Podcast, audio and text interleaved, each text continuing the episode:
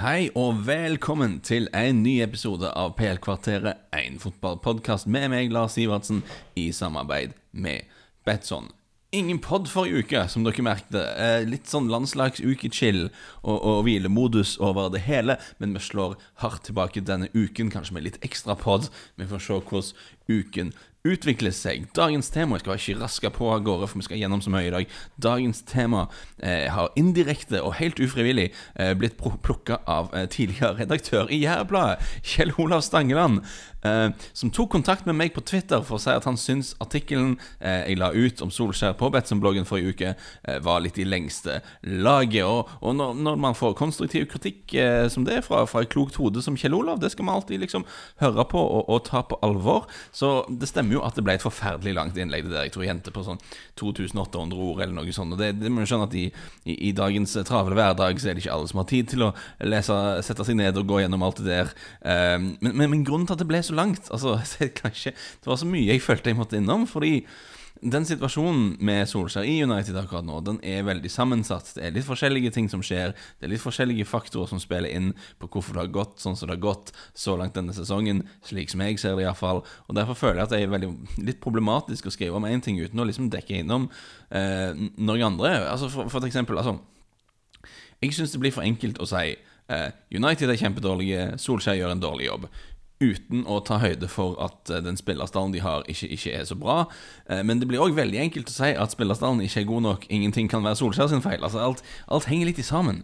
Eh, så, så vi, må, vi, må, sveipe innom litt forskjellige ting. Men jeg skal prøve å ta en komprimert versjon av, av hva vi tenker om dette her opplegget. Og eh, en av utfordringene eh, med å snakke om eh, hvem sin feil ting er for at det har åpna så skjevt for United så langt i år, er at vi vet jo ikke 100 sikkert hva som ble sagt bak på kammerset i løpet av sommeren. Altså Når man bestemte seg for at ja, ok, Herrera kan dra uten å hente inn en ny midtbanespiller, Lukaku kan dra uten at man henter inn en ny spiss. At, man, at, man, har veldig få kreative typer som kan skape ting men, men, men, det gjør man liksom ikke noe særlig med. Og om det var sånn at Solskjær sa at ja, nei, men det vi har er godt nok, da, da må man jo stille kritiske spørsmål.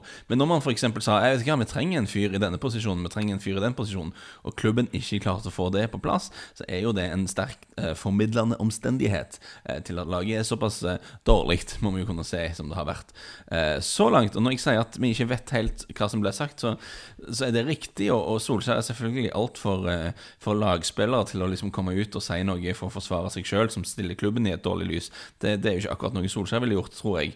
Eh, men vi kan jo gå litt gjennom ting som har blitt rapportert. og Eh, det, var en stor artikkel i The Athletic nylig om Ed Woodward som er virkelig verdt å sjekke ut hvis du er Athletic-abonnent. Hvis du ikke er det, det er faktisk verdt å vurdere. Veldig verdt, eh, verdt å bruke penger på The Athletic, det de har holdt på med så langt, syns jeg. Og flinke folk som har jobbet med denne svære Woodward-artikkelen. Veldig interessant innblikk i denne mannen. Men det er et par sånne små ting der som, fra oss fra Norge som selvfølgelig er veldig opptatt av Solskjær og hvorfor det er sånn som det er. Um, så er det veldig interessant å registrere at de hevder at Solskjær helst ville at Andre Herrera skulle bli værende i klubben. Det er jo interessant. Eh, de, eh, de hevder at Solskjær ønsket at Lukaku skulle bli solgt tidlig i overgangsvinduet. Eh, så det er interessant. Og de, og de rapporterer òg at United faktisk forhørte seg med Antoine Griezmann i vår, før han ble klar for Barcelona. utover det som ble sagt i den saken, så, så vet vi jo òg altså man var i diskusjoner for å gjøre en byttedeal med Lukaku og Dybala. De var interessert i Manzukic og prøvde å få til noe der. Eh, det ble meldt fra troverdig hold at United var interessert i Eriksen helt på slutten av vinduet, og at de forhørte seg med Newcastle om Chong Sean Longstaff på et eller annet tidspunkt. Så det, det vi kan si ut ifra bare de tingene, da, så tror jeg det er ganske trygt. Altså Noe av det Kanskje det er bare sånn overgangsfjas som dukker opp. Men jeg tror det er ganske trygt å konkludere med at United visste For det første, de visste at de helst skulle hatt inn en spiss til.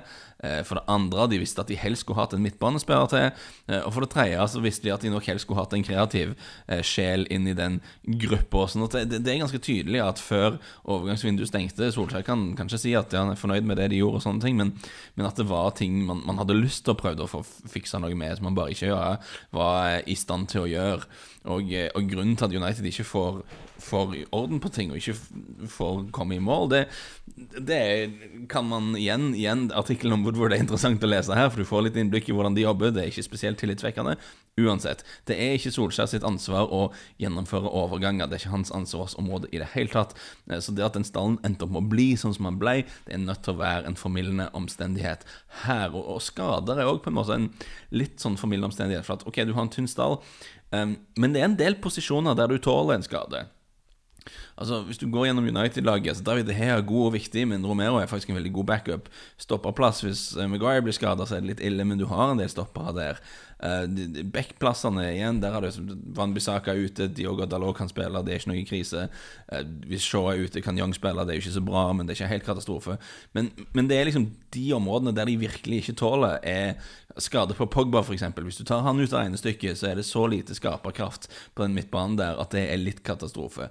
Og, og på topp, siden man da bestemte seg for å gå inn i sesongen med bare to eh, etablerte spisser, hvis man i det hele tatt kan kalle de det, eh, pluss Mason Greenwood, så skade på Martial eller Rashford er helt krise. Så av de, av de, områdene der de er skikkelig utsatt, det er selvfølgelig akkurat der de har fått skadene, og det, det må man jo kunne eh, skrive ned, tilskrive litt på uflakskontoen.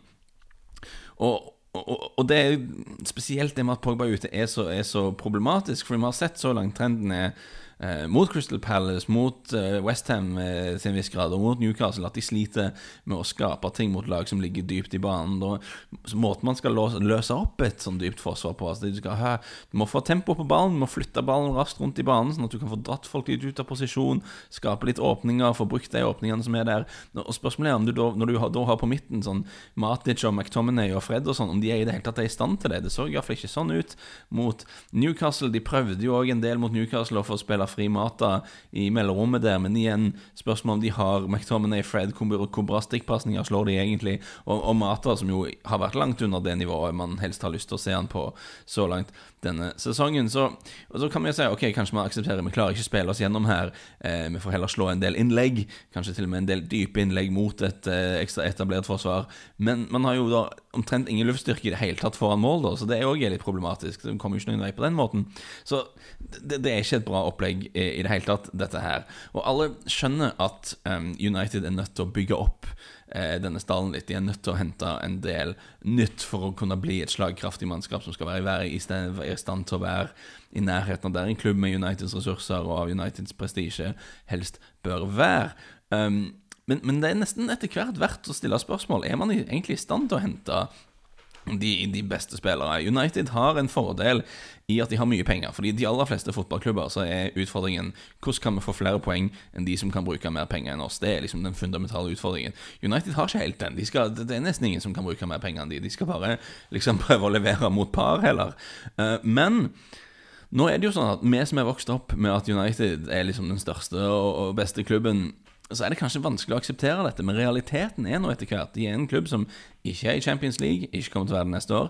De kjemper ikke om seriegull, og ser ikke ut som de kommer til å gjøre det med det første. Og de har stor prestisje, og, og, for noen så vil det være attraktivt, men for noen kan det være litt avskrekkende òg. Uh, eh, The Independent siterte uh, dog anonymt agenten til en midtbanespiller United ville ha i sommer, uh, som følte at det å dra til en så dysfunksjonell klubb som United og skulle være liksom redningsmann, det var en situasjon de ikke ville sette spillerne i, rett og slett. Eh, så, så det kan faktisk ha en bak, bakside òg, dette med at United er en stor og, stor og stilig klubb. Så så er det òg dette med at man helst skal hente unge eh, britiske spillere med i hermetegn riktige verdier. Altså det, det begrenser jo valgmulighetene noe helt enormt. Altså, Hvor mange britiske spillere er egentlig gode nok til å være nøkkelspillere for et lag som skal kjempe om, om Premier League-gull og være helt i verdenstoppen? Altså, det er en kort liste, altså. Uh, og, og, så Da må man kanskje heller gå inn for å hente unge spillere som har vist at de har potensial, og sånn, men det, det, er jo et sjansespill til syvende og sist. Uh, og det er normalt sett noe klubber gjør hvis de ikke har råd til å hente etablerte navn. Så må de satse ungt og satse på at de utvikler seg. United har jo faktisk råd til å hente uh, etablerte spillere, men det er interessant å se denne sommeren at de faktisk vegrer seg litt mot å bruke akkurat den pengemakten i hermetegn. Altså, det ble jo meldt at Dybala-dealen falt i hop, eh, bl.a. fordi han hadde veldig heftige lønnskrav. At klubben følte de hadde lært av sine feil på akkurat det området. Og vet du hva, Isolert sett så kan det være klokt, eh, men dersom du ikke er helt i toppen og kjemper om seriegull, dersom du ikke er i Champions League, dersom du ikke betaler liksom markedsledende lønninger da er det kanskje en del spillere som kan, ikke, ikke, vil dra der, rett og slett. Eh, så, så svaret hvordan, hvordan skal man da tiltrekke seg de beste spillerne, de trenger spillerne de må ha for å komme helt opp i toppen hjem? Vel, jeg tenker at da må du ha et sportslig prosjekt som virkelig trigger folk. At United fremstår som et lag som er på vei opp. Eh, som de kanskje ikke kjemper i toppen ennå, men de ser ut som et lag som kommer til å gjøre det om ikke altfor lenge. Og, og da, da, tenker jeg det er viktig. Da er det plutselig viktig å ha en manager som alle tror på. Eh, ta eksempelet Jaden Sancho. United har lyst på Jaden Sancho. Det er på en måte en litt åpen hemmelighet. Hvem har ikke lyst på Jaden Sancho? Uh, og Dortmund sies det skal være nokså innstilt på at det kan bli vanskelig å holde han i klubben neste sommer. Men han vil jo ha interesse i seg fra de aller fleste, da. Eh, både klubber som er på et høyere nivå rent sportslig, eh, og klubber som kan betale mer penger, dersom United fortsatt ikke har lyst til å betale masse penger. Så da er spørsmålet hvorfor skal han dra til Manchester United? Vel, altså Dersom United ser ut som de har noe litt på gang, da hvis de, har, hvis de, vinner litt og de spiller litt bra fotball, og de har en sånn kul trener som alle virkelig har tro på, da kan du kanskje selge inn eh, en sånn visjon om at han skal bli en av hjørnesteinene i et sånn gjenreisa Manchester United. At han kan bli den første siden Beckham og Ronaldo som virkelig eier den nummer sju-trøya der. Altså, det er kanskje noe du kan, du kan pitche. Men dersom det han og hans rådgivere ser er et totalt usammenhengende lag, som bare virrer rundt på nedre halvdel, og har en hovedtrener som aldri har gjort noe særlig utenfor Norge, og som taper mot lag fra Newcastle og Palace og sånn, da kan du jo skjønne at de, når en spiller skal gjøre kanskje det viktigste klubbvalget i karrieren sin, da, så tenker de de ser på dette her greiene og tenker at det, det tror jeg vi, vi, vi styrer litt unna. Nå, Ed Woodward har investert mye prestisje i Solskjær. Han mister veldig ansikt om han skal sparkes nå. Eh, og det, det som blir sagt, er at det er ikke noe stor appetitt i United for et trenerskifte. Men samtidig, Solskjær har ikke en sånn CV som i utgangspunktet tilsier at han skal være en manager på det nivået der. Og da er det litt opp til han å bevise at han fortjener å være der, altså. Eh, for å bevise at det, det er han som skal være den sportslige lederen, som skal være i sentrum for dette gjenoppbyggingsprosjektet i Manchester United. At det er han som er den treneren i hele verden som er best egnet til å lede akkurat det prosjektet der. Og fasiten nå er jo at det er vel fem seire på de siste 23 kampene. 17 poeng på 17 seriekamper siden mars. Så Han har fått en sykehuspasning av klubben med denne stallen. De har vært uheldige med skadene. Men laget er nødt til å vise mer enn det de har gjort så langt. Altså, det, kan være, det, kan være, litt frustrerende, men veldig mye i fotballen handler faktisk om hvordan ting blir oppfatta.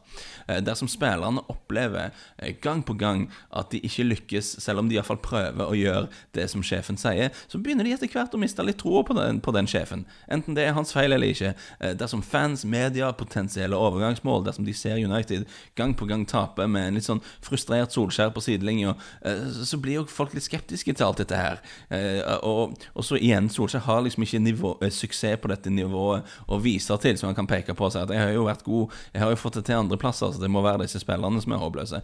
Det har han liksom ikke. Så veldig, veldig kort sagt, den korteste måten å si dette på Jeg tror ikke Solskjær er det eneste problemet til United, ikke i nærheten engang. Nei, jeg tror ikke engang han er det største problemet, men for hver eneste dårlige kamp som laget leverer på det nivået som de var på mot Newcastle, så blir det vanskeligere og vanskeligere å se hvordan han kan være en del av løsningen. Han er ikke nødvendigvis problemet, men jeg er ikke sikker på om han kan være en del av løsningen heller, er konklusjonen min. Og nå, det, det, nå, nå kommer det faktisk ca. i mål der jeg hadde tenkt å komme. Nice. Og da rekker vi jo å svinge innom eh, den, eh, den notoriske spillbiten som jeg iallfall koser meg veldig med så langt i år. Fordi vi er veldig godt i pluss på singelspillene her på poden så langt. Vi har hatt ni spill inn, eh, tre ut og én i push, som gir pluss 36% i såkalt ROI. Når så høy return kommer vi garantert ikke til å ha gjennom hele sesongen. Det er omtrent umulig, og hvis jeg kunne fått til det um, så hadde jeg jo bare lagt opp som karrieremessig og bare levd av tippinga. Men det er utrolig fint å få en så god start eh, på spillsesongen. Eh, da, da, får vi litt god feeling og god moral. Eh, og, og så, så, vi føler at vi har litt vind i seilene, og vi skal seile videre. Og eh, vet du hva, det er tidlig i uka. Det er litt skummelt å plukke en kamp fra helgen allerede nå. Men det er vel kanskje på sin plass, da, siden vi har snakket om United her. Liverpool skal til Old Trafford. Og jeg tror ikke jeg er urettferdig hvis jeg sier at jeg tror United får det enormt tøft i den kampen. Liverpool har ikke vært prikkfrie rent prestasjonsmessig, eh, men de har fått jobben gjort. Og eh, det skal òg sies at United ok, de skal trives litt bedre egentlig mot sterk motstand enn mot lag som ligger dypt og forsvarer seg. For eh, mot Liverpool så bør United få flere muligheter til å bruke liksom, farten de har i laget. Eh, og det skal òg sies at United kanskje får noen spillere tilbake fra skade, men jeg syns jo at Liverpool, alt vi har sett denne sesongen i Premier League, tilsier at Liverpool skal være ganske mange hakk bedre enn Manchester United. Litt, man er jo litt redd for at United, som faktisk har vært ok defensivt, virkelig klorer seg fast og klarer en uavgjort eller noe sånt. Men jeg syns det skal være såpass nivåforskjell her. Jeg tror Liverpool skal dra til Old Trafford og plukke opp en ny seier. Betson gir 1,74 i odds i skrivende stund, eller talende stund, på at Liverpool vinner. Og jeg syns det rett og slett er ganske ok odds. Jeg syns det er spillbart der går alarmen. Det er en odds Altså Den oddsen kan jo da endre seg i løpet av uka. Det er det som er risikoen når vi tar den såpass tidlig. Eh, hvis Pogba blir bekrefta frisk, f.eks. Eh, hvis andre spillere blir bekrefta friske, så kan det være det, det dytter det opp litt at folk får mer trua på, på, på, United og litt mindre tru på Liverpool. Men jeg har ikke noen sånne store motforestillinger mot å ta den Uh, allerede i dag 1,74 i odds på at Liverpool vinner på Old Trafford denne helgen. Uh, det tror jeg blir et av mine spill inn mot helgen. Det skal komme flere utover uken stor suksess med dette så langt i sesongen. Iallfall håper det fortsetter. Håper dere hopper på. Håper det uansett blir en kul fotballhelg. Vi snakkes igjen denne uken, helt garantert. Eh, takk for følget. Ha det godt.